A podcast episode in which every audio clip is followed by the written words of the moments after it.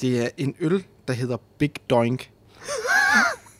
jeg er ikke så stor fan af navnet. Jeg er kæmpe fan af navnet. Men det danske bryggeri, der hedder Gamma. ja. Og øh, de, den har åbenbart vundet øh, natholdets, den der julekalender, Nå ja, ting der her. ja. ja. Og nu har jeg smagt den også. Og den er god. Den er super god.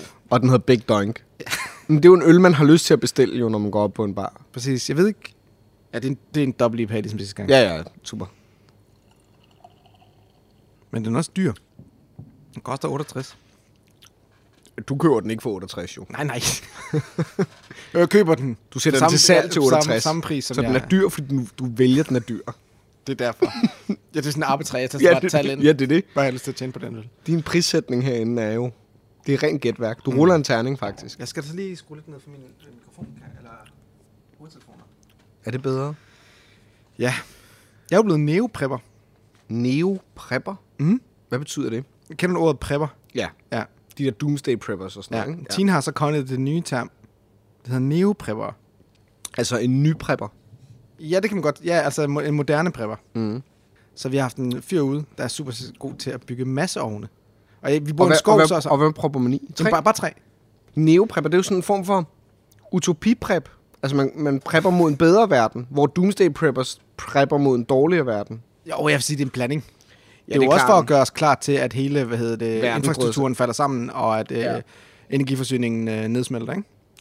Så det, er klar. godt. Det er godt. Mm. Altså jeg har fjernvarme. Jamen, og vi er i gang med at anlægge... Jamen, det er jo fordi, du bor inde i byen. Ja, ja. Det Ja, ja, fuck dig. Du Ja. aner ikke, hvor det kommer fra. Du tænder bare. Jeg tænder bare. Ja, lige præcis. Det gør vi også bare lige nu. Ja. Men så er det gas fra Rusland. Ja. Formentlig. Og det er pisse dyrt. Ja. Nu er det sommer. Der er faktisk sol. Og det betyder altid, at vi har øh, mælk, der går på dato, og Pepsi Max, der bliver udsolgt. ja. Men vi skal lave en podcast. Vi er i gang med en Og podcast. jeg glæder mig helt vildt meget, fordi det var så fedt sidste gang. det var virkelig sjovt. Jeg og nu synes, gør det vi var så fedt. Nu gør vi det igen. Hvis jeg hoster lidt og snøfter lidt, så er det simpelthen fordi, at jeg lige har ligget syg i tre dage, fire dage med ikke corona. Hvordan er det at være? Fordi jeg tænker bare, du må gå ret tit på arbejde, ofte på arbejde med, altså drugged up på øh, Ja, ja, men det gjorde, det gjorde på- jeg så faktisk ikke lige her. Der, der er aflyst vi. Men er det ikke hårdt? Jo, jo. Det er også dumt. Altså, det, jamen, det, jamen det, har, har du et valg? Altså, jo, du kan godt melde dig syg, det er jo en arbejdsplads. jeg må men, jo altid men, melde mig syg, kan man sige. men det er ret jo- ille anset, er det ikke det? At hvis du det jo har en forkølelse... Ille, det er jo ikke ille anset, men det er klart, at historisk set, så gør vi det jo ikke. Fordi det er jo ikke, fordi der står nogen ude i kulissen og er klar til at tage vores roller. At det er jo kun på store, kæmpe musicalproduktioner, man har sådan et understudy-system, som det hedder. Hvor ofte har du stået på en scene, drugged up? Ej, ikke særlig tit. nej. Altså, men jeg bliver ikke særlig syg. Altså, det er, sådan, det er sjældent, jeg bliver syg. Det gør du nu jo. Ja, ja. Du har været i isolation to, øh, to år. Ja, Nu rammer influenzaen, og så falder vi alle sammen. Ja, men det, det, det er sjældent, jeg bliver syg. Men det er det sådan noget, man, vi- vi har, jo- man har jo en cocktail, ikke? To panodiler og en Ipren, så er man klar. Okay. Det tager det værste. Ja. Det er også det, jeg tager, når jeg skal lave podcast.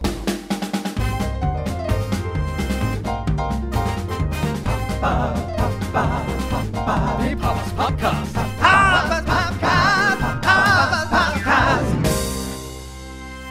Hej. Er det starten? Nej, starten. Vi kan godt lige gøre det igen.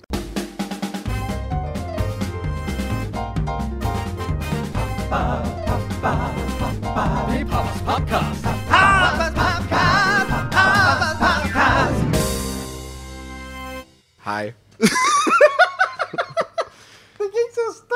Nej, okay. Hej og velkommen til Paus Podcast. Mit navn det er Jens Neumann, og ved min side har jeg Christoffer Helmut. skrivemaskinsamleren. Ja. At, men det, er det Er sådan der, her? et, er der et community i Odense Mm, Det ved jeg ikke noget om. for skrive Nej, det tror jeg ikke, der er. Nej. Vi lovede sidste gang. Jeg havde en overraskelse, jeg nævnte sidste gang. i Virkelig episode 0, irriterende. Ja. og det her det er episode 1. Ja. For dem, der tæller. Mm. At øh, jeg ville øh, lave en top 25, eller en top 20, eller en top 10. Og så har vi besluttet os for Er det en top 10? en top 5. Nej. Det snakkede vi om i går. Ja, det er rigtigt. Nu laver du op. Jeg ringede til dig i går, og så skrev det i morges, var det en top 5 eller en top 10, vi skulle fordi lave? du har sagt så mange forskellige ting. Altså det der er, det er, at jeg valgte bare at være kølig. Jeg valgte at være kølig med det, og så, og så fortryde det resten af mit liv. Fordi nu kommer det til at ligge ude, som om, at det her det er sådan det definitive.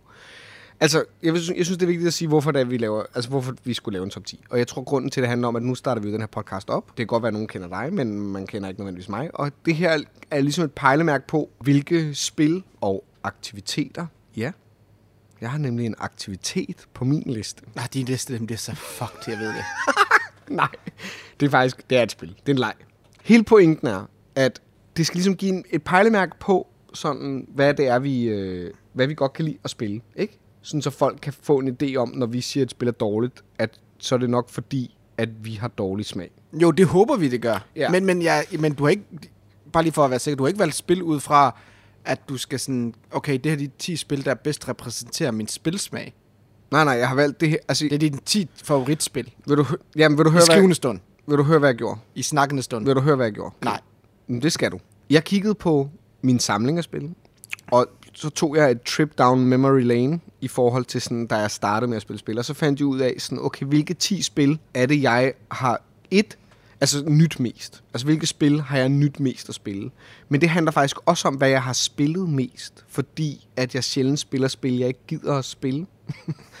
altså, så derfor så er der... Øh, Ja, der er klart en bias i forhold til, Ja. at du ikke... øh, Du, du, øh, og det er også det, jo mere man kommer ind i den her brætspilsverden, jo mere forhåbentlig bliver man bedre til at pejle ind på, hvilke Ja. spil, men jeg har gået... som, som, som vil falde ens smag, og derfor så undgår man en masse spil, Ja. som man... Øh, Men jeg har, men, men jeg har også taget udgangspunkt i, i gode oplevelser, og så har jeg taget udgangspunkt i forskellige settings, hvor de her spil har gjort den. Altså, det har været svært at rangere dem, synes jeg. Det er, svær, det er sværere end at vælge dem. Åh, oh, men det er, jo, det er jo super svært. Det er jo ja. også derfor, vi ikke laver en type top 20 og type 25, fordi det... Altså, jeg synes det... Okay, lad os lige vende tilbage til det her top 10-lister, for jeg, jeg, jeg hader top 10-lister. I den forstand, Ja. at... Lad, og lad mig lige uddybe. Ja. Hvorfor jeg synes, top 10-lister er så, øh, er så ikke, ikke problematisk, men i hvert fald måske svære, Mm. udfordrende. Mm-hmm. Ja, men først og fremmest, altså, hvordan, hvordan sammenligner man to spil? Ja, Ja. Altså, ja. rangerer man to spil i forhold til hinanden? Altså, hvordan vil du rangere Codenames i forhold til Terraform Mars? Jeg kan allerede mm. sige, de to spil er ikke på min liste, men hvordan fanden vil du rangere de to spil? Ja, ja, hvordan, hvordan vil du sammenligne? Det er så to vidt forskellige spiloplevelser. Ja. Og derfor synes jeg altid, hvis man laver en top 10, bliver man nødt til at have nogle, nogle kriterier, man udvælger Og det er derfor, at, at en af mine kriterier har faktisk været, at det skal være repræsentativt for øh, de spil, jeg har spillet i den tid, jeg har spillet spil, og fået de bedste, de største oplevelser med. Og er det en, skal man vurdere, jamen, er det et godt design? Nej. Vil, vil, vil, vil, der, vil det være et spil, som jeg kan anbefale til mange mennesker? Jeg siger bare, okay, så har jeg mit nummer to spil. Jamen, er det, er det, er det, er det meget specifikt for min gruppe, den kontekst, jeg sidder i og spiller det? Og det er derfor, det er i min nummer to ud af de der top 10 spil. Mm-hmm. Eller er det faktisk også et spil, som jeg vil anbefale folk, fordi det er så solidt og godt og veldesignet, at Ja. det er et spil, jeg vil anbefale til langt de fleste Ja. ja. brætspillere. Øh, og ja, det, og det, jeg synes det bare, det er vigtigt at have de kriterier med, og de, Klar. øh, de overvejelser med, når man, når man øh, præsenterer en top 10. Og jeg tror også, det er det. Det er nemlig også det. Det her spil, jeg godt kan lide at spille, det er ikke nødvendigvis spil, jeg anbefaler. På nær et spil, så tror jeg, jeg har lyst til at sige ja til at spille alle de her spil, hvis folk foreslår dem. Mm. Så vil jeg sige ja. På nær må- en af dem. Der er en af dem, hvor jeg vil sige nej for evigt. Et andet problem med top 10-lister. Ja. Der er utroligt mange content creators, der gerne vil lave en top 10-liste over året, der gik. 10 Ja. bedste spil. Og jeg har, og det kan være, jeg vil godt være ærlig og sige, at jeg er ret kritisk over for mange brætspil. Jeg, øh, der, skal, der skal ret meget til, før jeg vil anbefale et brætspil og rose et brætspil. Langt de fleste brætspil, jeg spiller, som vi kommer fra ind på Papas, synes jeg højst måske er middelmodige. Ja. Men Så du har hvis- også spillet mange brætspil jo. Jo, jo, men der, er- jeg kender masser af øh, folk, der spiller mange flere brætspil end mig, og som har meget større, ja. jeg vil ikke sige tolerance, men, men, men, men hvor de synes, at der, der, der er mange flere spil, der er fede og super seje og gode spil, Ja. end, end jeg synes, jeg kan. Altså, jeg snakkede med en her på Instagram her, faktisk i morges, tror jeg. Jeg var en, der skrev, jamen, han har spillet brætspil i næsten lige så lang tid, som jeg har, og altså, som han sagde, jamen, så længe der bare står brætspil på æsken, så, så, så synes jeg, det er godt Ja. det, er- det, er- jo de der nuancer, man skal have med, fordi jeg har da bare sådan lidt, hvis du laver en top 10 over 2021, jamen, du har spillet kun 20 spil for 2021. Er der så virkelig halvdelen af de spil, du kan sætte på en liste? Jeg synes, jeg, hvis jeg sidder og kigger på de spil, jeg har spillet fra 2020, eller 2021, undskyld, så er det jo ikke 10 spil, jeg synes, der fortjener at komme på en liste. Nej, eller... De, jo, de kan godt... Jamen, det er også det, fordi... Jamen, fortjener, Ja. ja. top 10, så siger du, jamen, prøv, prøv at høre her, hvis der er 12 spil ud af de 20, der er dårlige, så siger du, jamen, og du skal lave det her top det er 10. mindst dårlige. Jamen, det, så er det jo Ja. ikke, en, så, så, er det jo en, altså, så er det jo ikke en særlig god anbefaling, hvis du siger, at nummer 10 og nummer 9, det er egentlig ikke særlig gode spil, men jeg skal lave en top 10. Og jeg synes egentlig, med alle de content creators, der er derude, der laver de her top 10 lister, det synes faktisk, de burde skrive, hvor mange har jeg egentlig spillet de her spil. Ja. Fordi, og hvor mange spil har jeg generelt spillet fra i år? Og jeg forstår godt sådan en som Tom Vassel, som spiller hvad, 50-60 spil øh, altså en nye, måske endnu flere, ikke? Altså, Nå. så han har et, et, et bedre udvalg at tage fra. Jeg, jeg vil have det svært ved at lave en top 10. Jeg kan ikke lave, jeg har prøvet at lave en top 10 over 2021, og jeg, jeg kan ikke, Nej, for det jeg der er heller 10 spil, der fortjener at komme på en top 10 liste. Men vi kan lave en top 10, som vi har gjort nu, over øh, de spil, vi elsker allermest. Eller det er i hvert fald det, jeg har prøvet lige nu i skrivende stund. Og det synes jeg, vi skal gå i gang med. Og ja. I dag, gennemgår vi fra 10 til 5. Nej, 10 til 6. 10 til 6, undskyld. Ja. ja. Så de første fem spil. Ja. Det er mig med matematiske ja. Ja. evner, der lige fejlede der. Og så næste gang, så kører vi fra 5 til 1. Ja. Er du klar? Ja. Må jeg godt lige komme med mine regler for min top 10? Ja. Ja. Har du nogle regler? Nogle forbehold? Jeg, der var nogle spil, jeg har lyst til at sætte på, men som jeg simpelthen havde spillet for lidt i forhold til nogle andre spil. Så der har jeg gået med nogle spil, jeg i stedet for har spillet mere, fordi de har været længere i mit liv på en eller anden måde. Og så skal man, så noget andet, der faktisk også er vigtigt at vide, er at faktisk rigtig mange af de her spil, jeg har, er næsten spillet med den samme gruppe. Mange af dem. Meget. altså den samme gruppe af venner. Så, så, øh, så nogle af de her spil, der vil være et vist øh, tema, fordi vi også er, vi, vi har en rimelig speciel smag også i spil. Så man kan sige, øh, hvor jeg tror, at hvis jeg skulle prøve at isolere mig fra den gruppe, det vil være svært, fordi jeg har spillet så mange spil med dem. Men, øh, men så kan det godt være, at der er nogle af dem, der, vil, der er mindre velfungerende. Det er også derfor, jeg ikke helt nødvendigvis vil anbefale dem alle sammen. Jeg tror så sådan, jeg, jeg kigger på Shut Up and Sit Down, når de anbefaler spil. Så sådan lidt, jo jo, men I har den her. Man kan ligesom mærke, hvad det er for en gruppe. Det det. Især i ældre dage, hvor de havde Paul med og så videre, hvad det var for nogle spil, de godt kunne lide. og Og, og hvordan, hvordan, hvordan, hvordan de gik til spillene i forhold til kontekst. Og jeg tror, at du lidt har det på samme måde, den her fasttømrede gruppe, som har der, hvor der opstår alt muligt meta, ikke? Præcis. Som går igen gennem spillet. Og som, og som jo også gør, at der er en bestemt type spil, vi godt kan lide. Ikke? Men det er også derfor, det er vigtigt at lave den her top 10, fordi så kan I ligesom høre, så kan I sige, jeg stoler aldrig på Christoffer Helmut, fordi han synes, det her spil er virkelig fedt. Og mit udgangspunkt er jo helt anderledes. Okay. Fordi jeg spiller med så mange forskellige mennesker hernede er på klart. Papas. Det skal være, at jeg har ikke en fast spillegruppe. Det har jeg haft tidligere, inden vi åbnede Papas. Og det har ikke været muligt at, øh, at opretholde i de sidste fem, år. Så jeg spiller med en masse forskellige mennesker, og det er også farvet af de spil, jeg spiller. Det er også derfor, jeg har lavet nogle meget, jeg vil sige næsten hårde eller meget restriktive regler for min top 10. Okay, som er. Jamen for det første, jeg skal spille det spil øh, minimum tre gange. Ja. Jeg har spillet alle mine spil mere end tre gange. Okay. Men jeg synes bare, det er vigtigt, at man i hvert fald har givet det en, et, øh, en, mere, mere end øh, en til to gange, Jeg før helt man enig. kan smide det på en top 10. Men jeg synes faktisk også godt, at man efter tre spil kan vide nogenlunde sådan, hvor fedt er det her spil. Ja, og, men jeg vil også sige, at det kommer sådan på det enkelte spil, ikke? Ja.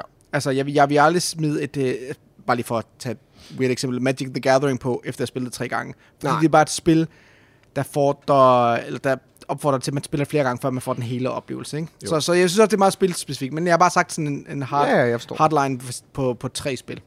Derudover, så skal jeg spille dem inden for de sidste tre år. Okay. Og det er simpelthen fordi, min spilsmag har øh, øh, ændret sig løbende. Øh, Så et spil, som jeg har spillet før pause, så lang tid siden, som jeg synes var super fedt, og måske har spillet et par gange, men hvis jeg ikke har spillet det i de sidste fem år, altså, er, er min holdning stadig den samme. Burde jeg ikke lige i hvert fald genbesøge spillet, og så vurdere, om jeg stadigvæk har de samme følelser og holdninger til spillet, efter, efter så mange år, og så mange andre spil, som jeg har spillet i mellemtiden. Mm. Giver det mening? Mm. En anden regel. Jeg har ikke nogen legacy-spil med. Og der er ikke nogen god forklaring. Nej. Fordi nogle af mine Men bedste er, spillere... er, det en regel, eller er det, eller er, er det bare regel. er det bare sket? Eller lavede du reglen, inden Nå du valgte ja, listen? ja, ja, ja. Det er en Okay. regel. Fordi jeg, på min boblerliste, der har jeg øh, øh, to legacy-spil. Pandemic øh, sæson 1, som er den eneste legacy Pandemic, jeg har spillet, og så My City fra Reine Knizia. Mhm. For jeg synes, som jeg synes er et fantastisk spil. Men der er ikke nogen ordentlig grund til, hvorfor jeg ikke har dem på listen. Jeg synes bare ikke, de passer på en top 10-liste. En top 10... Ja, Jeg har et legacy-spil på min liste. jamen, jeg vidste det. Selvfølgelig har du det. For helvede, altså. Jeg har også sådan et, som ikke er et legacy-spil, men jeg har et, øh, et jamen det kan vi komme til, når vi kommer så langt. Men Gitte, hva- Ja, jeg forstår. Kan, hvis jeg nu... Et legacy-spil kommer jeg aldrig til at genbesøge. Jeg kommer aldrig til at Nej, spille præcis. sæson 1 igen. Præcis. Jeg forstår. Det er slut. Og hvis det så det er gået afsluttet. 10 år siden, er det så stadigvæk sådan en nostalgisk følelse, jeg har for det ene spil. Altså, det er fandme langt... Altså, det er jo 5 år, 6 år siden, jeg spillede Pandemic Legacy øh, sæson 1, ikke? Ja. Øh, My City er kortere tid, så det kunne man godt... Men, men jeg kan ikke, skal man så blive ved med at have den på sin top 10, fordi den giver sådan en... Altså, ja, så bliver det bare sådan en nostalgisk... Det er klart. tilbage Jeg forstår det godt. Ja. Er det den sidste regel, du har? Nej, jeg har en mere. Oh my god. Okay, hvad er den sidste regel? Ingen party games. Ingen party games? Som Vores lister er meget forskellige. Og det er simpelthen fordi... jeg, jamen, Jamen, jeg forstår simpelthen ikke, du, du vil gerne lave en top 10 over, sådan, hvad din smag er. Og hvis du så virkelig synes, at en af de sjoveste spil i verden er Pictionaries, Men det er så vil du ikke tage det på på en eller anden det er arbitrær fordi, regel. jeg ikke forstår, hvordan jeg skal sammenligne et spil. Prøv lige at høre her. Men du skal ikke sammenligne. Jamen, prøv lige at høre, vi snakker om Winner Circle i sidste, sidste Ja. episode, og jeg synes, det er en fantastisk spiloplevelse. Vi stod og råbte, og hudede, og, og jeg Ja. siger ikke, at Winner Circle er et partygame. Men Nej, det er nej, jo det, man gør men, til ja, jeg forstår, jeg forstår, Ja. hvad du, jeg forstår, hvor du vil hen. Og som jeg sagde tidligere, hvordan skal jeg sammenligne Codenames med Terraforming Mars? Jeg kan ikke, jeg, det kan ikke. Så jeg, så jeg synes bare, det er nemmest. Jeg vil hellere lave en top 10 partygames. Det vil jeg rigtig gerne gøre. Det kan vi gøre. Nej, gør det. fordi så, nej, fordi så går du ind i det der, der er det irriterende med top 10, som er sådan noget. Så er det top 10, det her meget sådan, sådan om, sådan, vi skal finde en måde at få ank ind i en top 10 på. Så favoritspil designet, du ikke kunne lide, du spillede. Åh, oh, nu op. Så bliver det sådan noget. Nu, nu, øh, Mærkeligt nu er du sådan navlepiller, altså. Nej, nej. Jo, det fordi godt. jamen, jeg mener bare... Jeg forstår godt, hvad jeg du synes, mener. det er Det svært at sammenligne det spil, og så har jeg bare tænkt, det er fandme let. Jeg ved ikke, jeg synes Codenames er et super fedt spil. Det er måske... Det er i hvert fald top 3 partygames for mig, ikke? Jeg vil sige, Men, men jeg ved ikke, hvor jeg skal placere det hen i Nej. forhold til de andre spil. Synes, det er så svært, fordi det giver sådan en helt anden oplevelse. jeg fandt 10 spil, og så var det sværere at rangere dem, synes jeg. Det var faktisk det, der var sværere. Og så der har jeg været lidt lemfældig. Jamen, det har så, jeg også Så syveren kunne lige så godt være sekseren Ja. og omvendt på en eller anden måde. Ja. Eller sådan, altså, det er ikke... Øhm, men jeg vil godt forklare lidt, hvorfor jeg tænker dem på de pladser, når vi når dertil. Mm. Og jeg synes, vi skal i gang med det nu. Godt. Er du klar? Ja. Har du flere regler? Nej, det var faktisk den sidste regel. Okay. Så her kommer vores første spil, som er nummer 10 Ja, dit spil. of all time. Ja, mit Ja. spil. Er du klar? Mm. Det her er et spil, som jeg aldrig kommer til at spille igen. Det er et kæmpe had kærlighedsforhold, jeg har til det her spil. Jeg tror, det er det, jeg sådan timemæssigt har spillet allermest. Jeg tror, jeg har spillet det her spil, det ved jeg ikke, 140-150 timer eller sådan noget. Og det er et legacy-spil. Og det er Gloomhaven på nummer 10. Fedt. Øh, af Isaac Childress. Det er ham, der har designet det. Så du har sådan nogle, du, du går med pøbelen, basically. Ja, fuldstændig. Jeg prøver med rigtig meget den her liste af meget med pøblen. Nej, men øh, Gloomhaven, og det er simpelthen fordi, jeg bliver nødt til at tage det her spil med, øh, fordi jeg har spillet det så meget. Og, og, og, øh, Det er også et kriterie i sig selv. Jamen det er det. Altså det, der er ikke et, jeg tror nærmest, der, der, der er andre spil, jeg har spillet lige så meget. Men i en setting, altså, det er sådan, altså antallet af weekender, jeg har spillet det her spil med min faste gruppe, er fuldstændig sindssygt. Og vi blev ikke engang færdige. Fordi at til sidst, altså det blev en grind. Altså til sidst blev det sådan at gå på arbejde. Altså vi sådan mødte, mødte, mødtes op for at spille Gloomhaven, og vidste ligesom, nu skulle vi igennem det her. Og det er der, det nåede til. Så det er faktisk nået til, at jeg elskede det. Og jeg, og jeg elsker det stadigvæk. Jeg synes, det er et virkelig godt design. Jeg synes, det er den der puzzle combat der. Med en ordentlig historie på, vil det være virkelig smukt. Og en eller anden sted, så har jeg sådan det om, hvis man kunne lave det, Gloomhavens combat og class-system med en rigtig Dungeon Master, så tror jeg, det vil være sådan et, et helt vildt RPG. Altså, en, en, en, når du siger Dungeon Master, er en person, der sidder Ja, og simpelthen styrer- la- altså lave et rollespil over Gloomhavens kamp, øh, kampsystem. Det Okay. være smukt. Det vil også være virkelig svært at designe, fordi at med monstrene og sådan noget. Altså, det vil være virkelig umuligt. Altså, det fungerer ikke helt. Og det var det, du mente sidste gang med Dungeons and Dragons og, og Gloomhaven. Ja, Du mente basically, at han Game Master. ja, præcis. Okay, jeg troede, du mente, øh, altså det var øh, universet. Dungeon, Nej, nej, altså, nej, nej, Forgotten nej. Realms og det der, er det ikke? Nej, jo.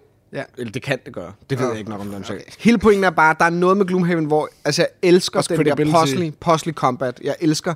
Det, der er problemet med Gloomhaven, er, at der er sådan noget fail state. Altså det der med, at hvis du fejler en mission, så skal du lave den om igen. Mm. Og det gider man ikke, så man ender med at spille det på et niveau, hvor man ved, man klarer det, men stadig føler sig udfordret. Det gjorde vi i hvert fald. Men vi har spillet det rigtig, rigtig, rigtig meget, og vi elsker det. Og en i min gruppe har selvfølgelig allerede bestilt Frosthaven. Og jeg har ligesom sagt til ham, at jeg ikke kommer til at spille det. Men lur mig, om jeg ikke ender med at spille Frosthaven alligevel. Men det er klart nummer 10. Og det er nummer 10, fordi jeg synes spilmæssigt egentlig, har, tror jeg, nogle af de oplevelser, jeg har haft, sådan rent sådan, altså nogle af de følelser, jeg har følt, mens jeg har spillet Gloomhaven sammen med mine venner, er meget højere end til nummer 10. Altså, der er nogle gange, hvor det har været, altså, det kunne sagtens være i top 3 over fede spil, men jeg er så træt af det spil. Du sagde Og også, så det var ligesom derfor er gå, det kun du sagde også, at det var ligesom at gå på arbejde. Det er det. Så derfor er det kun nummer 10, fordi jeg spiller det så meget, at jeg bliver nødt til at have det på min liste. Fordi noget, du har spillet så meget med den samme gruppe mennesker, kan du ikke, du kan ikke holde dig fra det. Så det er min nummer 10, Gloomhaven. Jeg har også spillet det meget. Det er ikke på min top 10. Nej. Men du må jo heller ikke have legacy-spil med, så det er jo ligesom, så er det ligesom ikke slet ikke en mulighed. Jo. men Gloomhaven er ikke rigtig legacy-spil. Det er det da. Nej. Removable stickers? Jamen, ja, vi spillede ikke, var ikke noget- vi spillede ikke Removable Nej, det gjorde heller ikke Og første gang vi spillede, der tabte Nils, som er min ven, der var med til at spille det, en kop kaffe ned i vores, ned i vores æske. Så blev det legacy lige der. Så det, der var der ingen andre, der kunne nej, spille det. det er super legacy. øh, med custom stains. Og det var så sjovt, fordi så kom George of the Lion, og folk var sådan, ej, hvor er det fedt det. Og jeg var bare sådan her, jeg skal aldrig vende tilbage til det. Du har ikke prøvet Jaws of the Lion? Nej. Nej, men det er også bare mere det samme. Ja. Der er ikke nogen grund til det. Nej, Min top 10 er udgivet i 2014. altså din nummer 10. Ja. Din top 10 er Hvad ikke... sagde jeg? At din top 10 var udgivet. Okay, jeg starter lige 2014. forfra. Min top 10 er udgivet... Nej, din nummer 10. ikke top 10. Jeg har skrevet... Jeg er at fuck, for jeg har skrevet top hver gang, i hver gang jeg et nummer. Det Top- ved jeg ikke. Top jeg 1, hedder top nummer. 8. Hold op, mand. Fordi Jeg kan ikke range. Jeg har kan- bare skrevet kan ikke- tal. Jeg kan ikke rangere den. Jeg har skrevet et tal. Ja. Din top, din nummer 10. Min nummer 10 er udgivet i 2014. Og var på Kickstarter i 2013. Og det var før, det var før Zombicide. Altså det var sådan, det var, det var den spæde, sådan jomfruelige Kickstarter-æra, hvor, hvor, hvor de lige havde taget de første skridt inden for Ja. brætspilsindustrien. Jeg kan huske, Alien Frontiers var det der første Ja. Kickstarter-spil, som jeg var sådan, som fik, fik, fik succes. Og det, det var en mand, ligesom Isaac Childress, der lavede Gloomhaven. Det er faktisk meget i tråd Ja. med, hvad du lige Ja. har øh, haft som din 10. Det var én person, Ja. der, der havde den her kæmpe store drøm om et stort spil. Ja. En mand. Og ja, Jeg ved og, godt, hvad det er. og det hedder Sire Ja. Legends of a Drift System. Ja. Og det er lidt en guilty pleasure. Mm. Fordi, men altså, det er så sindssygt. Som du skal spille med det, mig snart. Det er så sindssygt. Jeg var inde og tjekke på Kickstarter. Ja. Og, og i, han havde, Kickstarteren den løb i sommeren 2013. Mm. Hans expected delivery var december 2013. det var sindssygt. Det var bare aldrig nogensinde kunne lade sig gøre. Nej. Især fordi han var en person. Så det var ikke sådan, han var ikke en stor udgiver, der havde spillet klar, og basically bare Nej. skulle sende det afsted. Og han har også, øh, jeg kan huske i løbet af, af kampagnen, så kommer han også med en update. Ah, okay, vi udskyder lige til marts Ja. øh, 2014, hvilket også er sindssygt at gøre det på den tid. Mm. Fordi der var så mange Men gjorde det så på ja, den tid? Ja, jeg ved ikke, om det var marts, men det udkom i 2014. Sejt. Så det har været ret... Altså, det var... Hold da, det ser man ikke meget. Sejt. Øhm, og, jamen, hvad er det? Det er en open world, øh, pick up and deliver. Øh, lidt ligesom, øh, hvis du har set Firefly, Firefly-serien mm. The Board Game. Ja. Jeg ved godt, der er et Firefly The Board Game-spil. Som også er et pick-up and deliver spil. Ja, lige præcis. Ja. Øh, men, men det her, det er meget bedre. Ja. Øh, og du øh, kan være pirat, eller øh, du kan... Sådan lidt Merchant and Marauders i Space, ikke? Ja, lige præcis, lige Ja. præcis. Også bare bedre. Altså det, Ja. ja. og der, og det er en guilty pleasure, og, og jeg vil så sige, det er en af dem, der allerede bryder min regel. For jeg har kun spillet to og en halv gange. Nej. Jo, det er rigtigt. og, og, og, det er også fordi, da du nævnte det der med, at det skal være spil, som jeg... et Spil, jeg aldrig spiller igen. Ja. Det, er- sådan har jeg det ikke med Sejr. Nej. Men det er sådan et spil, som... Øh, og jeg har spillet inden for de sidste tre år. Mhm. Mm-hmm. men det er et spil, som er rigtig svært at få på bordet. Ja. Ja. Fordi det er sådan et event game. Det er, så, jeg vil sige, udenbart vil jeg sige en team per spiller. Mhm. Og det er fra 3 til 5 spillere, men udfordringen er bare, at der er rigtig meget downtime. Det er generelt et super dårligt designet spil, på mange måder. Super meget held, rigtig meget downtime. Og Det er jo ikke dårlige ting. Nej, nej, nej. Men, jo, ja, ja, nej. Men problemet er bare, at der er rigtig mange, der anbefaler, at sige, at du skal helst være tre eller fire spillere, fordi, øh, og tre måske endda bedst, fordi så er der ikke så meget downtime, men det er bare så sjovt med flere spillere, fordi der er så meget mere interaktion i den Klart. her, den her øh, galakse, du flyver rundt på planeter og fuldføre missioner og Man har ikke videre. lyst til at spille det med 10 eller sådan noget, ikke? Man har egentlig lyst til...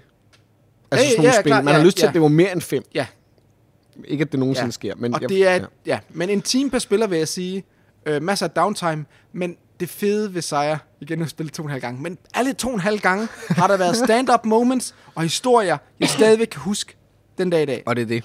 Det er det, det handler om. Øh, og det er hver gang, det har produceret det. Fordi du, jeg, jeg ved ikke, hvad det spil, det gør. Altså, det, det er sindssygt, det spil. Det var, det var Metal Coins, det så man fandme ikke dengang i 2013. Og var pre-painted- minis. Ja, det er så sjovt. Ja, Ja. det var så stort. Og han har lavet en udvidelse, som jeg spillede også en gang. Den har jeg også. Og den skulle være god. Vi har det ude bagved, man kan bare spørge efter det. Øh, og det, jeg ved ikke, om den påkrævet, for jeg har kun spillet med den en gang, så det, vil jeg ikke, Nej. øh, det er ikke stærkt. Men jeg vil rigtig gerne spille det igen. Jeg synes bare, det er sjovt. Jeg synes, det er, det er et beer and pretzels game. Man skal drikke øl, mens man spiller det, og man skal bare tage det for... Hvis du går op i at vinde, så lad være med at spille det. Der er masser af held. Og det er også... Det blev kritiseret... Det er roll and move, ikke? Jo, jo, Ja, men, men, det blev, det. Ja, men det blev ekstra kritiseret, fordi du vælger en action og ruller 1d6. Ja, og det er fantastisk. Og så vælger du en ny, en, du har tre actions, så du kan vælge en ny move action og rulle 1d6. Og vælge ny action og rulle 1d6. Det Det er sådan et rigtig bullshit-spil. Ja, ja. Ja. Problemet er bare, hvis du har rullet 3 d6'er, Ja. så havde folk været altså, mere forstående for held, kan man sige. Men det der med, at du ruller én D6. Jeg ikke? elsker det sex, jo. Ja. Men øh, det Men kommer det der med, til. at du ikke ruller den på én gang, det der med, at du ruller en af gangen, og så kan du så vælge at gøre noget andet og sådan lidt. Så ja, jeg, øh, jeg vil ikke, jeg vil ikke øh, give min uforbehold. Det er sådan et spil, jeg ikke vil anbefale til alle. Men det er en oplevelse Men til værd. dem, der gerne vil, ja. så er det og jeg fedt. synes, det, det, er, det er mit... Altså, jeg har ikke prøvet Western Legends, Heller ikke mig. øhm, men jeg har prøvet Firefly the Board Game, og jeg har prøvet Merchants of Venus, og jeg har prøvet, hvad der er ellers er Open World. Det gamle World of Warcraft-spil. Det har jeg ikke prøvet. Nej. Jeg har det liggende. Ja. Ja. Men, ja, men jeg synes, det er... Et su- altså, ja. er Beer, bread, beer and pretzel, eller øl og bacon, eller øl og... Hvad hedder det på dansk? Beer and pretzel. Det har vi jo opfundet nu. Øl og flæskesvær. Ja. Så din nummer 10, sejr. Okay. Hvad siger tiden? Jamen, vi er over. Fuck. Du, dine regler tog Ja, men jo- undskyld for helvede, mand. Okay. Øh, min nummer 9. Det er muligvis det eneste sådan rene Eurospil, Uh. jeg har på min liste faktisk. Til gengæld så er det det, det, er det sjoveste øh, Eurospil, jeg kender. Jeg har ikke spillet det meget, og jeg kommer aldrig til at blive god til det, for det, er, det straffer dig så voldsomt. Og det er Food Chain Magnate fra Splotter Spiel. Er det ikke en lidt long... Altså, det er stretcher du den ikke lidt ved at kalde den euro? Der er Det er bare fordi, det er så modbydeligt. Ja, men det er jo derfor, jeg godt kan lide det. Ja, Det er jo ja. derfor, det er et Eurospil, jeg vil spille. Altså for mig at se, så er det jo en... Øhm, om Food Chain Magnet, mm. der handler det om, at du er sådan nogle, i en eller anden sådan dystopisk 50'er-verden, hvor kapitalismen er den, e- den eneste vej frem. Der laver du et burger-imperium, eller et fastfood-imperium, og skal tjene flere penge end din modstander. Og det handler bare om at tjene penge. Og du kan gøre så mange grimme ting med dine modstandere for at udkonkurrere dem. Og det er som andre splotterspil, som er de her hollandske, den her hollandske duo, der producerer deres egen spil og sælger dem til, en, til nogle absurde priser i forhold til kvaliteten og komponenterne, øh, så er det en af de der spil, hvor du kan tabe på tur 1, som med mange af deres andre spil. Og det kan man virkelig i det her spil. Men de gange, jeg har spillet det med folk, vi har altid spillet det med, at der er ikke nogen, jeg har aldrig spillet det med en, der var meget bedre til det end mig. Altså, vi, kendte, vi var alle sammen på niveau, de gange, vi har spillet det. Kan man, kan man, øh, kan man excellere i det spil? Kan man blive meget bedre end de andre? Du kan Eller- blive sindssygt god til det Okay. spil. Hvor meget handler det om at, at blive god til, altså mestre spillet, kontra mestre øh, dem, man sidder og spiller sammen med? Det er jo ikke på den måde et spil med sådan en table talk. Altså, det er ikke sådan, at du kan, du kan ikke sådan forhandle... Det virker ikke til, at du kan forhandle dig ud af det. Altså, så du kan virkelig mestre spillets systemer. Men det er jo sådan noget med at finde ud af, hvad for en form for tableau bygger de andre, hvor ligger deres restauranter okay. i forhold til dig, og hvordan kan du få en marketingkampagne ind her, der gør, at der kommer en ekstra burger i det her hus, der gør, at hele din øh, modstanders tur bliver ødelagt, så i stedet for at tjene 50 dollars, tjener han 0 og skal fyre folk, fordi han ikke har nogen penge tilbage. Og det er bare, jeg synes jo, at det modsat mange andre, så synes jeg, det er en af de smukkeste æstetiske spil i verden. Altså, jeg elsker det look. Det passer. Det er sådan helt sort-hvid. Det er, et, det er et look, der deler vandene, ikke? Fordi, Det fordi er det virkelig. der er nogen, der siger, at det er tematisk, fordi det passer til Men den det, 50'er men det har sådan en, om, om måden din action selection menu er sådan et, et spisekort, og, og de der kort, som er sindssygt simple og i sort-hvid, er bare, det, det prøver ikke at skjule, hvad det er. Det siger, det er hardcore, og så er det bare hardcore i alt, du ligesom foretager dig. Og jeg elsker det. Jeg elsker det spil, og jeg kommer aldrig til at vinde i det. Altså, det har jeg, det har jeg, det har jeg forstået med mig selv. Jeg kommer aldrig nogensinde til at vinde i det spil. Du kan bare introducere det til noob, ligesom mig. Jamen, jo jo, men du vil smadre mig. Altså, du, altså jeg, kan, Ah, skal vi jeg, er ikke, jeg er ikke tæt på at vinde. Jeg kan ikke engang finde ud af at få en økonomi op at køre. Okay, fair nok. Men det, der er så sjovt, det er også det der med, at det, det fortæller gode historier. Det er et spil, der fortæller gode historier. Øh, jeg kan huske, at første gang jeg spillede det, der spillede det med en, der hed Mads Adam. Og han vandt ved at lave en strategi, hvor han, han, han solgte ikke nogen pizzaer. Det han havde, det var, at han havde bare sådan et, ja, han lavede bare et callcenter af folk, der ligesom sådan, øhm, altså jeg tror ikke, det her er en viable strategi, hvis du spiller med folk, der kender spillet, men der var ligesom ikke nogen af os, der vidste, hvad der foregik. Så han, det han havde, det var, at han havde en masse waitresses, der gav ham nogle penge, og så havde han bare et callcenter, som bare, så han bare rekrutterede folk, for så de sidste to ture bare at hamre pizzaer ud. Jeg ved ikke, det er svært at forklare, men det, der er en helt speciel stemning i det, og det er en brainburner, og det går imod rigtig meget af det, jeg kan lide at spille, men jeg elsker Food Chain Magnet, så det er min nummer 9. Hvis man nu gerne vil, vil spille, Ja. hvad, hvor, hvor, hvordan, hvor starter man? Altså, hvad, hvad er spillerantal? Hvad tænker du? Altså, jeg har spillet med 4 og med 5. Det er fint. Okay. Det tager lang tid. Det er et langt spil. Tre, tre timer. Mm. Men det er sjovt. Og jeg synes egentlig, det er sjovt med mange spillere også. Men det er jo, generelt synes jeg jo, det er sjovt med spil med mange spillere. Fordi jeg godt kan lide det kaos, det er. Og så tror jeg ikke, man skal spille det med en, der har spillet det meget. Eller man skal ikke være sådan en noob blandt mange, der har spillet det meget. Fordi det bliver ikke fedt. Og det er nok også det, der har været min udfordring i forhold til Man at skal- få, få spillet... Øh, Men du kan sagtens spille det med mig. Ja. Og med nogle af mine venner. Fordi vi har ikke spillet nok til, at det, altså, vi er ikke gode. Altså, det er sådan, jeg kan huske, at læse en... Jeg gik ind for sjov og læste en strategiguide på Board Game Geek, og så startede den med at stå, når du har lavet de to starting moves, og så stod der to moves, som om, at det var sådan en ting, det skal du bare gøre. Og jeg var sådan, det har jeg aldrig gjort. Jeg har aldrig lavet de to starting moves. Og øh, du kunne bare ikke vinde uden at lave dem. Så det er sådan typisk splotter, sådan at det siger, du kan gøre, hvad du vil. Du skal bare lade være med at gøre alle de her otte ting, og gøre den her ene ting lige i starten. Men føler du... Føler, altså, er det fordi, det er scriptet, eller... Nej, det er ikke fordi, det er scriptet, det er bare fordi, der er nogle, altså, der, der er nogle ting, du skal gøre. Lidt ligesom i deres andet spil, Road and Boats, de har lavet. Der er det sådan noget her, du skal bygge en sawmill i starten, så du kan lave træ. Ellers kommer du aldrig ind i spillet. Og i stedet for at sige, nu laver vi et setup, hvor du starter med en sawmill, så siger de, gør det her, når du starter. Fordi ellers så, altså, øh, men jeg ved ikke nok om Food Chain Magnet og strategier til, jeg synes bare, det er virkelig sjovt. Og jeg har det virkelig sjovt. Og de historier og de restauranter, folk får lavet, det er fuldstændig whack. Og så er det sådan en antihyldest til kapitalismen på sådan en sjov måde. Altså fordi det er så grumt, hvordan marketing og kapitalisme bare sådan styrer forbrugeren. Og det er en sjov fortælling. Det kan jeg godt lide. Det er sjældent, at brætspil er så tydelige i deres satire på en eller anden måde. Det er ligesom at arbejde på en brætspilscafé. Det er også en satire på kapitalismen. Så det var min Fordi- nummer 9. Food Chain Magnet. Min nummer 9 har vi to spillet sammen. Oh. For nylig. Ah, okay, for nylig måske. Men det er et nyt spil. Det er fra 2020. Ja, ja. Det har en masse dyr. Men, men nej, nej, det skulle ikke fra 2020. Nå, men jeg har ikke styr på noget. Det er metal.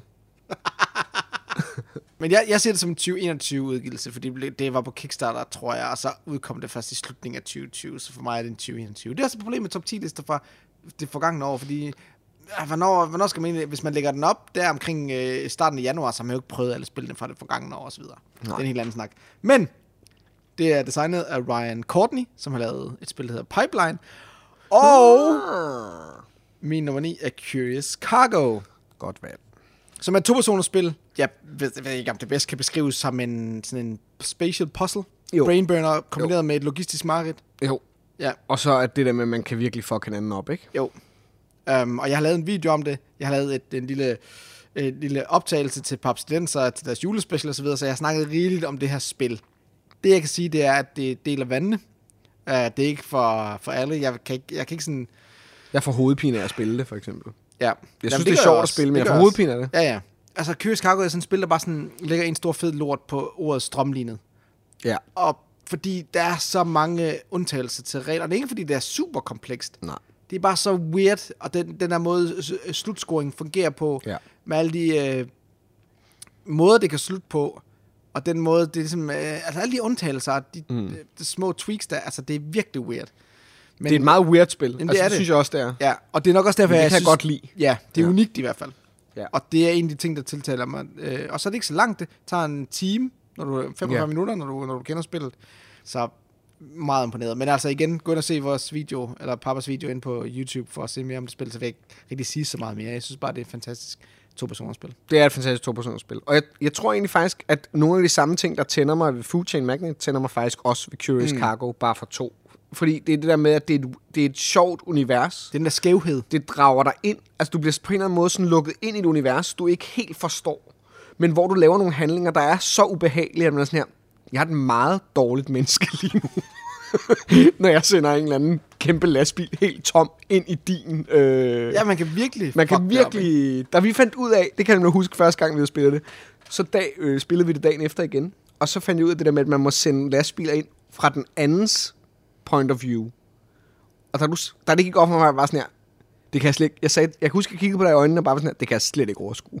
Jeg kunne slet ikke overskue implikationerne i, at jeg kunne begynde at bruge mine ressourcer på bare at sende ting ind til dig, uden nogen, altså, uden nogen konsekvenser for mig. Eller sådan. Det var bare sådan, det åbnede spillet fra sådan noget 2D, 3D, 4D til sådan noget 8D. Altså, jeg min hjerne brændte sammen. Jamen, det var også det, det første gang, jeg lærte, lærte Ja. reglerne, øh, hvor, hvor, hvor jeg, jamen, jeg forstår det, jeg forstår det, og så forklarede hun mig, den sidste regel, det er, at man kunne sende lastbilerne ind på den side, og jeg sagde, jeg forstår det ikke. Lad at forklare, stop, stop lige, hvor du er, og så spiller jeg det bare ude. Ja, præcis. Fordi og jeg det gjorde forstår også første gang. Ja, ja. Og så begyndte jeg anden gang bare at sende lastbiler. Og det, jamen, det var Men det er en virkelig... utrolig interessant del af spillet, Ja. ja. som bare åbner sig op og giver så mange nuancer og en timing. Altså sådan den der timing issue med, hvornår filer man gør de Men lad være med at bekymre dig om det første gang, du Ja, spiller ja, det. Fordi det, du bliver sindssyg. Ja. Eller det gør jeg i hvert fald. Mm. Min nummer 8 er også et to-personers spil. Der er to grunde til, det er på min liste. For det første, jeg har aldrig vundet det her spil. Og for det andet, jeg har spillet det eksklusivt med min kæreste. Og hun smadrer mig. Seriøst? Ja, hun Ej, hammer hvor mig. jeg glæder mig til at høre, hvad det er. Øh, det er kommet, det er sådan et spil, der sådan, det er en af de der, det er blevet sådan rigtig populært, så det er kommet i alle mulige udgaver. Christmas Edition, Easter Edition. Det er et super godt spil! Det er et super godt spil, og det er Patchwork af Uwe Rosenberg. Så har jeg nemlig også et Uwe-spil. Ikke? det, det har jeg ikke. Nej, men det har jeg. Åh, oh, Gud. Og det er det eneste, altså det er faktisk en eneste spil, jeg sådan rigtig kan lide af hans. Fordi det andet er for, for tungt. Det er men meget skamfuldt. Patchwork er, synes jeg, et fantastisk two-player-spil. Altså det er et fantastisk to-spillerspil, som i bund og grund jo er også sådan et geometrisk spil, der jo egentlig bare handler om at lave geometriske former. Det er jo sådan tetrominus, hvad hedder det? Det hedder Polyominoes. Polyominoes-spil. Polimino. Og var det en af de første, der ligesom... Ikke de første, der nogensinde blev lavet, men det første, der blev populært. Det tror jeg. Jeg kan ikke huske, jeg kan ikke huske en tid før Patchwork, Det er et når det kommer, sindssygt simpelt når spil. det kommer til Polynomio. Nej, præcis. Det er et sindssygt simpelt spil, og jeg har spillet det ret meget. Og første gang, jeg nogensinde spillede med min kæreste, der vandt jeg. Men så fandt jeg ud af, at der var en regel, jeg havde glemt at sige. Og siden vi har spillet med de rigtige regler, så hamrer hun mig. Ej, hvor er det fedt. Altså smadrer mig. Elsker det. Og vi er rimelig sådan... Jeg har heldigvis en kæreste, der godt kan lide spil, og jeg har introduceret den til mange. Og, øh, og vi er sådan rimelig lige i mange spil. Vi har også spillet My City blandt andet, og, øh, hvor vi også er rimelig lige. Men det her, der hamrer hun mig. Altså fuldstændig. Jeg er ikke tæt på at vinde. Jeg har endnu en gang, jeg har ikke engang nået at få den der øh, 7x7 først. Jeg har spillet nogle spil, hvor jeg har sagt, det eneste, jeg går op i nu, det er at få 7x7'eren før øh, min kæreste. Og det er aldrig lykkes. Og hun spiller det bare som om, at det er Ludo. Altså hun er ligeglad. Hun sidder bare og laver moves, og hun hammer mig. Og jeg elsker det. Jeg elsker det for det. Og det er derfor, det er på min liste, fordi det spil, det sp- har vi spillet rigtig meget, mm. faktisk. Og har glemt lidt at spille det. Vi skal, ja, nu skal jeg hjem og spille det med hende igen, kan jeg mærke snart. Men jeg elsker det. Jeg synes, det er et virkelig, virkelig sjovt spil. Men jeg har spillet det eksklusivt med hende. Jeg har aldrig spillet det med andre Nej. end med hende. Det gør, at vi skal prøve det. Det vil jeg gerne. Ja, så kan du øve dig lidt. Jeg får nok tisk. Men jeg, jeg, jeg spillede det et par gange, da det udkom. Ja. Og så har jeg ikke spillet det i flere år. Kun Nej. forklaret det rigtig mange gange. Ja. Så så en overgang forklaret det forkert også. Ja, super. Hvor jeg sagde, at man fik minus et point for hver empty space på sit board, i stedet for minus to. Ja, og det er jo det, der er det sindssyge ved det spil. Altså, ja, Ja, ja, fordi det er, godt jo nok derfor, sjældent. at folk de får minuspoint. Ja. Puh, Også selv folk, der har spillet det meget, ikke? Ja, ja. ja. Men så spillede det her forleden, Ja, og så blev jeg bare med om, hvor godt og solidt et spil det er. det er virkelig godt. I forhold til alle de der forpulede lortespil, man har lavet, som Spring Meadow og Cottage Garden og Piss og Lort. Alle de der kopispil, af, hvor han prøver at få den samme mekanisme øh, proppet ned i et andet spil Ja. øh, med Polyminus. Patchwork er stadig det bedste. Jeg synes virkelig, det er et godt spil. Så kan man diskutere Feast of Odin, men det er sådan en anden liga, ikke? Jo, og det er jo en af de der spil, jeg har så svært ved. Altså, øh, Agricola, Caverna og Feast of Odin og alle dem der. Alle hans store big box spil. Det, mm. øh, jeg får overhovedet pine af at spille dem. Så øh, Og det skal vi heller ikke gå ind i nu. nej. Det, er en helt anden snak. Men det, Det var, min, det var det- min nummer 8. Patchwork. det er til Uwe Rosenberg-episoden. Ja, helt sikkert. Jeg tror aldrig, det kommer til at ske. Men, øh. Godt. Min nummer 8 Ja. er designet af Rainer Knizia. Ej, du elsker det. Jamen, han er så fantastisk. Og det er udkom for første gang i 2004. Jeg ved godt, det er. Og mange af hans spil er jo ret gamle. Måske, jeg ved det ikke, hvad det er. I hvert fald mange af hans gode spil. Ja. Han har faktisk lavet nogle nye spil, også, som er ret solide. Babylonia og sådan nogle ting. Og My City, for ja, ja, åh, for, gud, ja. Ikke- ej, forglem den. Nej, det har jeg jo nævnt, så det er okay. Ja, det er det. Ja. Men øh, det her spil er øh, lidt ligesom øh, Rainer Knizias forsøg på at lave en... Ja, jeg, jeg vil ikke sige forsøg, fordi han laver et bedre Magic the Gathering. Og det er Blue Moon Legends. Nej, Ah. undskyld, det hedder bare Blue Moon selvfølgelig. Ja, Den nyeste udgave fra 2014, tror jeg det er, den hedder Blue Moon Legends. præcis. Og det med Blue Moon, det er et kortspil.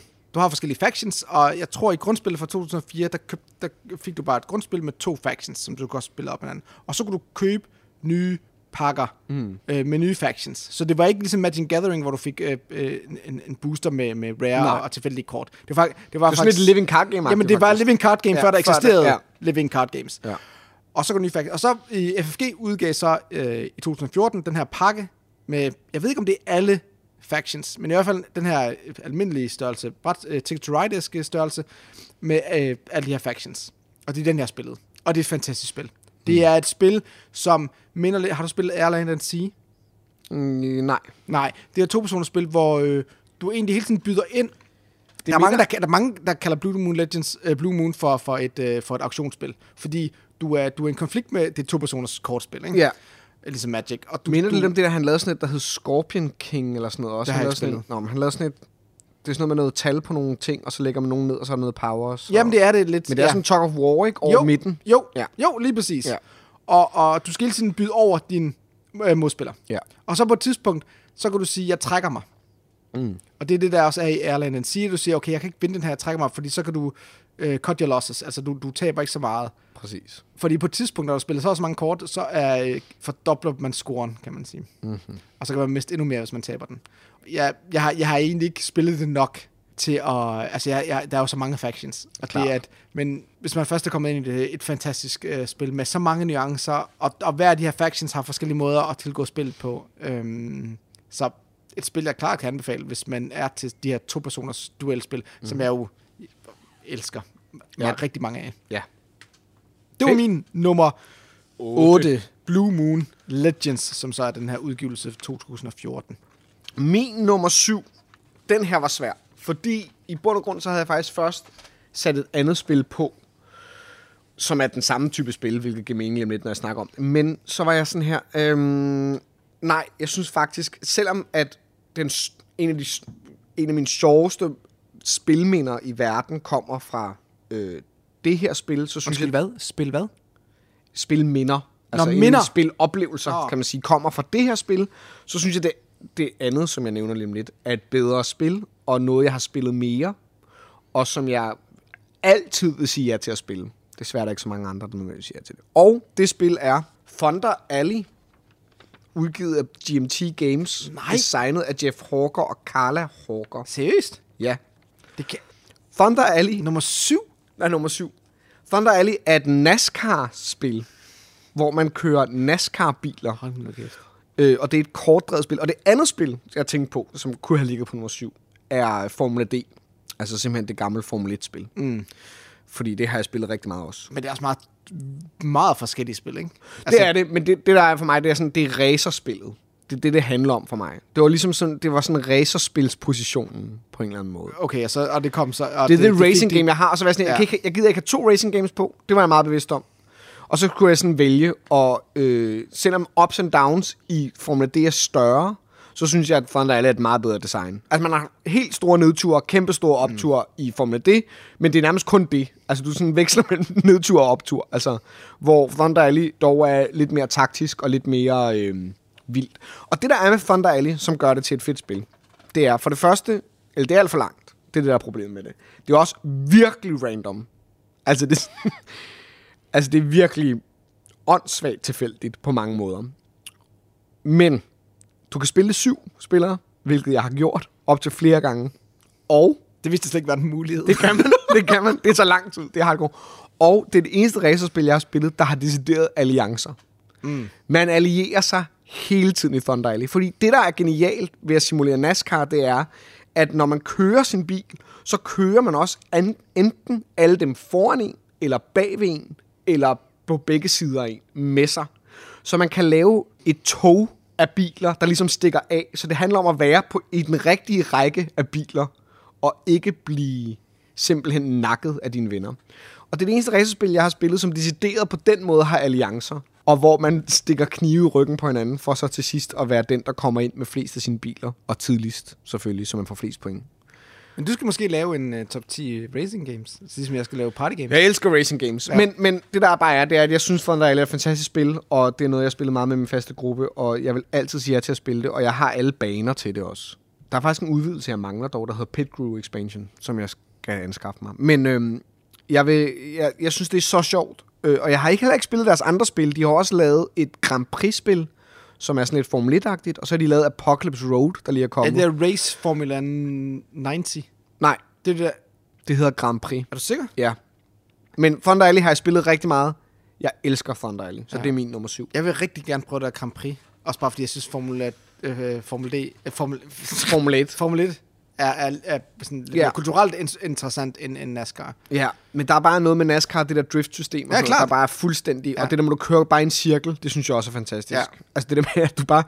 Du kører bare rundt i en retning. Åh, oh, men jeg har heller ikke undersøgt Grand Ja. Prix særlig meget, så jeg ved ikke, om det Har du spillet Thunder Alley? Ja, ja. Ja, jeg elsker Ja, det. ja, men kun en enkelt gang. Ja. Har du Ja. spillet med syv? Nej, Det skal vi gøre. Ja, Det gør vi. Ja, det vil jeg gerne. Ja. Jeg vil gerne. Du har også alle baner. Ja, Jeg har rigtig mange baner. Ja. Jeg elsker det. Det er det.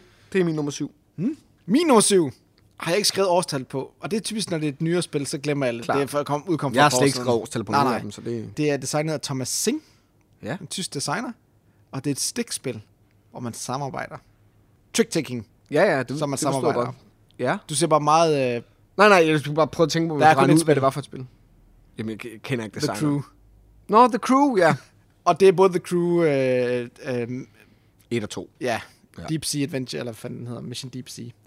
Jeg hader stikspil. Jeg har aldrig kunne finde ud af det. Jeg kan huske, jeg har sådan, jeg, jeg tror næsten, jeg vil ikke, det er nærmest et traume, ja. Fra da jeg var teenager, hvor jeg havde, der var de her gutter, der altid spillede vist. Ja.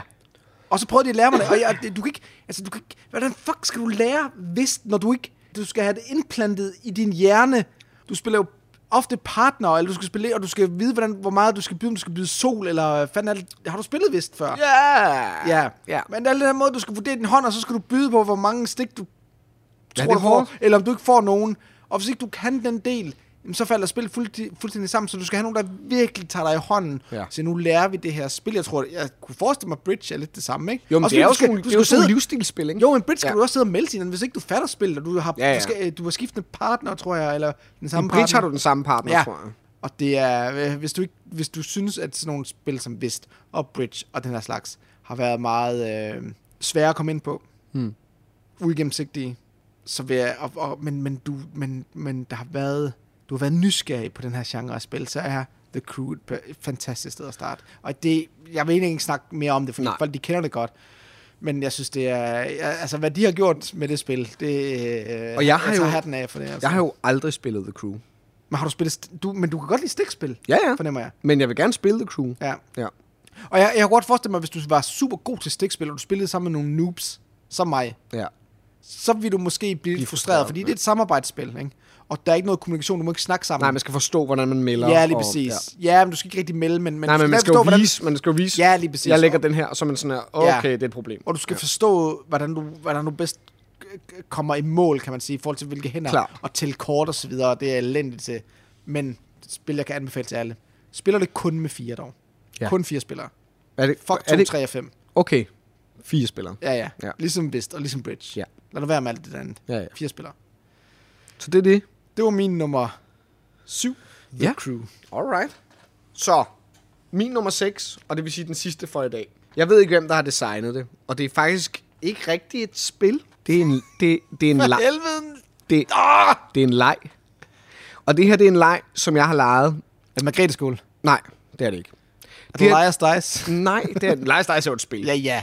Jeg overvejer at sætte på min liste faktisk. Ja, det jeg elsker, lege, eller, elsker snyd. Nej, det her er et spil, jeg har, jeg har, lejet det, jeg har lært det af min mor, og vores familie har altid lejet den her leg. Og man kan lege den i teamvis, og, den er, og alle burde lære den, fordi det, er en, altså, det styrker øh, sådan opgaveløsning, men også opgaveskabning og kritisk tænkning, og alt fra sådan bluff til matematik, til logik, til ordsprog, til ordspil, til ordleg.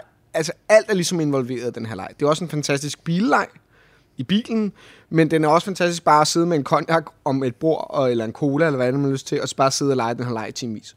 Og den her leg hedder Den kinesiske mur. Jeg har aldrig hørt om det. Okay, nu forkl- jeg vil gerne forklare det, fordi så kan folk lære den her leg. Hvorfor har jeg ikke hørt om den leg? Den kinesiske mur, eller jeg går over den kinesiske mur, hedder den nogle gange, er i bund og grund en leg, som kan leges med uendelig mange mennesker. Men lad være med det, altså. Leg med en familie. Og øh, man kan faktisk godt øh, som børn rimelig tidligt komme med ind i den, men den styrker virkelig også en masse ting i dig. Og det, den i bund og grund går ud på, det er, at der er en person, som laver et system inde i sit hoved. Og så siger de, man sidder i en cirkel, og så siger den person for eksempel, jeg går over den kinesiske mur, og jeg tager en giraf med. Og så er det den næste persons tur, som så uden at kende systemet skal sige, jeg går over den kinesiske mur, og jeg tager en ske med, for eksempel. Og så svarer den, der har lavet systemet, du kommer ikke over. hvis de ikke kommer over, hvis det ikke svarer til systemet. Så det er sådan et fælles deduction-spil, hvor man så ligesom går rundt og rundt og rundt, indtil alle har regnet systemet ud.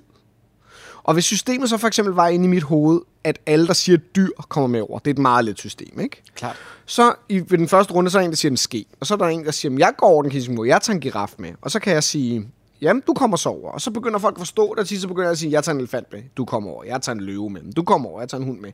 Men der, hvor det bliver rigtig sindssygt, det er, når man så har leget det rigtig meget som familie, så begynder man at lave nogle sindssyge systemer. Så kan det for eksempel være sådan noget med, dit efternavns næst sidste bogstav til den for højre for dig, skal det starte med, for at du kommer over. Så kan det være et system. Og det, der er ret crazy, er ligesom The Mind, og faktisk også lidt The Crew, det er, at man kan regne nogle rimelig sindssyge systemer ud. Men det Er det, fordi, er det fordi, man gør det i fællesskab? Nej, for du diskuterer ikke, for det, det handler om, det er at være Må den, der... Nej, fordi det, der handler om... Jo, det du kan gøre, det er, at du kan begynde... Det der er, det er, det er lidt et udskillelsesløb, faktisk. For det er ikke et samarbejdsspil? Nej, fordi det Nå, der er til sidst, til sidst, så er der måske en, der ikke har den.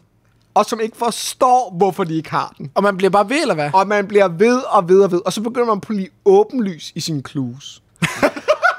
Men man kan sidde, nogle gange kan man sidde, vi har siddet nogle gange i 45 minutter, hvor der er en, der ikke har haft den. Og alle andre har haft den. Men vi har også lavet nogle sindssyge nogen. Det Så- lyder også sindssygt med sådan det noget der med for eksempel, du skal ryste med dit højre ben, når du siger, hvad du går over med.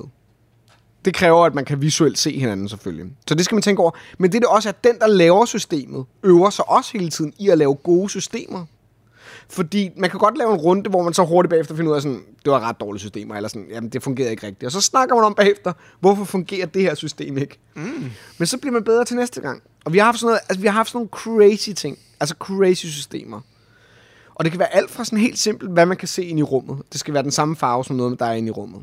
Men det er, bare en, øh, det er bare en ting, man skal tage med over den kinesiske mur. Man skal tage en ting, men det kan også være abstrakte koncepter jo. Man må selv bestemme. Jeg går den kinesiske mur, og jeg tager verdensfred med, for eksempel. Jeg tager begiven, en begivenhed med. Jamen, du kommer over. Hvorfor? Det ved vi så ikke, men det skal vi så finde ud af. Øh, hver for sig, men sammen. Hvorfor, er- hvorfor er det aldrig lavet som et brætspil? Jeg ved det Det ikke. lyder det som... Nej, men, nej, men Nå, du, jo. skal jo twiste det på en eller anden måde, Nej, jo, altså man kunne sagtens lave et brætspil, hvor man bare havde systemer. Lidt Ja. ja. Altså, hvor man bare trak et Ja. system, og så laver man den. Men, Ja. men jeg vil sige, en stor del af lejens charme er, at man laver sin egne. Fordi man, op, man opbygger en form for metaforståelse. Så i min familie har vi begynder vi også at have en masse? Det er Pant, der kommer. Okay. Jeg beklager. Vi holder lige en lille pause. Metaforståelser. metaforståelser. Ja. Panten ringede. ja, nu er vi tilbage. Godt, vi er tilbage Du nu. kom fra noget af det metasnak. Ja, i bund og grund, så, fordi man jo opfinder sine egne systemer, så opstår der jo ligesom sådan i grupperne en form for sådan meta-fornemmelse, ikke? Mm. Fordi man jo på en eller anden måde opfinder sine egne, ikke regler, men systemer. Så det er over den kinesiske mur. Det, så det er lidt ligesom, uh, lidt ligesom, når man spiller Codenames, eller når man spiller Dixit, og siger, hold kæft, det var et godt clue, eller Ja. det var et godt system, og så... Og det er jo, det, og det er jo jeg, hele øh, spillet. Social credit Præcis, for... præcis. Men det, der jo er med det, det er, at modsat øh, Dixit og Codenames, så er der ikke nogen, der har siddet og designet ting for dig. Hvad er klokken? Den er 12.21. Så skal I have 9 minutter. Ja. Ja. Er det okay? Ja, det er nok bedst. Ja, det er bare fordi, vi snakker... Ja. ja, vi må også godt sætte det i sofaen. Kan vi nå det? Hvor- Åbner du om 9 minutter? Nej, nej. Men det er mit møde jo 12.30. Åh oh, ja, men vi er færdige lige om lidt. Ja. Undskyld, der var lige nogen, der kom ind, jeg skal have et møde med. Det er Ja, okay. 12.30, Ja. Det er dejligt. ja. Det var nummer 6. Godt. Jamen, så skal vi til min sidste. det var... Det, jeg, jeg ved ikke, om den tager måske lidt længere tid at snakke om. Skal, ej, vi kan godt nå på 9 minutter. det Er du hurtigt. Mand. Ja. Ja. Ja, ja. Min nummer 6, Ja. udgivet i 2010, Ja. hvis jeg ikke tager fejl. Og det er et spil om gambling og Las Vegas. Nå. Og det er designet af James Ernest og Mike Selinker. Selinker. Ja. Ja. For 3-4 spillere. Mhm. Og det hedder Lords of Vegas. Ja. Jeg elsker det spil. Jeg elsker det spil. Det er genialt. Ja. Det er, har du prøvet det? Mm, lang tid siden. Det betyder, at du ikke er så vild med det. Det betyder, at jeg ikke kan huske det, men øh, Okay. jeg vil gerne prøve det Det, igen. man skal forestille sig, det er, det er, det er sådan et klassisk spil, hvor man, hvis der er nogen, der spørger efter Matador, et andet spil, bedre spil end Matador. Ja. Ikke fordi det er svært at finde. Jeg forstår. Men det er sådan et klassisk spil, man så til frem. Fordi Ja. det handler om øh, property, øh, real i estate Vegas. i i Vegas, ja. Ja. Og du skal forestille at du har den her The Strip, den her hovedvej på bordet, og så har du alle mulige sådan nogle øh, firkantede lots, altså ejendomme, grund, byggegrunde. Det er, ligesom, det er i alle mulige spil. Det er i uh, Chinatown og Acquire og Quadropolis. Klart. Og det er, ikke? Du har de her firkantede felter, ikke? Klart. Og der skal du bygge casinoer. Og til hvert lot, der er der tilsvarende kort. Der, de har sådan koordinater. Ja. Og det er super, det er super tilfældigt, ikke? Fordi i Det starten er ligesom i runde- Chinatown, eller hvad? Ja, ja, ja, Ja. ja. Og i starten af hver runde, der trækker du et kort, og det fortæller dig, hvilket lot du får i den her runde. Super tilfældigt. Og der er Klart. nogle lot, der bare er bedre end andre. Klart. Og øh, så kan du bygge forskellige casinoer i forskellige farver Ja. på de her lots. De koster selvfølgelig penge, og du får penge ind osv. Øhm, og hvert kort, du også trækker, har også en farve. Hver gang en farve bliver trukket, så alle de personer, der ejer casinoer i den farve, de får payout, de får penge. Okay. Og det er spillet. Ja. Ja. Skåret helt indspændt, ikke? Klart. Og det er super luck-driven. Fordi du trækker de her lots, og der er, altså der er lots, der er meget... Og hvis du har sammenhængende lots, så kan du bygge et større casino. Klart. Og det, Det er- og det trækker du. Og det er bare får. super meget bedre. Ja. Og hvis du bare spiller det, som jeg har forklaret det her, så er det et lidt elendigt spil. Ja. Men til sidst i regelbogen, der står der, at alt er negotiable. ja. Du må, du må, du må, du må, du må, du Og det er jo det, der ændrer du må spillet. wheele og deale og, og trade Alt, og, vil. og, og, og, lave alliancer og backstabbe og alt det, du vil. Og det er, det er spil, fordi det Ja. ja. handler om at købe hinandens slots og, og ikke slots. købe hinandens lots. Jeg forstår. Byggegrunde. Ja. Og fordi første gang jeg spillede det, der faldt det fuldstændig til jorden, fordi vi ikke forstod... At alt kunne vi- ja, det, handles. forstod, det var bare sådan, det, det, det er en lille snippet lige til slutningen af reglerne, hvor der står, at alt, alt er negotiable. Men det er bare, Det er spillet. det, det, er, det, er, det er spillet. Ja. Og det er derfor, det er så fedt. Fordi det passer så perfekt til temaet. Ja. Og, og alle de actions, du kan tage, så er der selvfølgelig også den sidste action, Mm-hmm. hvor du bare kan sige, der er selvfølgelig gambling. Sige, jeg går ind på det her casino, som er en anden spillers casino, og rulle casino dice.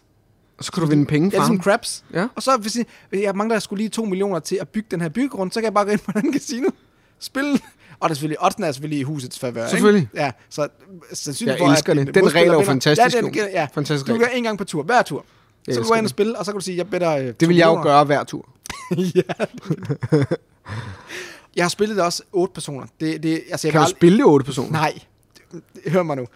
Jeg spiller det aldrig, jeg spiller det kun fire spillere. Okay. Jeg har aldrig spillet andet end fire spillere. Men kan man officielt spille det Nej, otte personer? men du kan spille hold.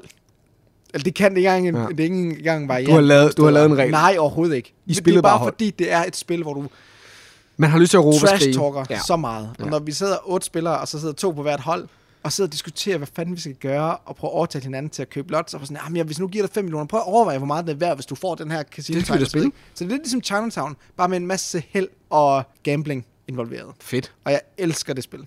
Det lyder sjovt. Men det er et eventspil, og det tager en to-tre timer, ikke? Og det gør det. Ja, det er langt. Ja, det gør det. Ja, men det er, men det er jo Det er fordi, det du sidder og ikke. Ja. snakker. Præcis. Jeg sidder og snakker.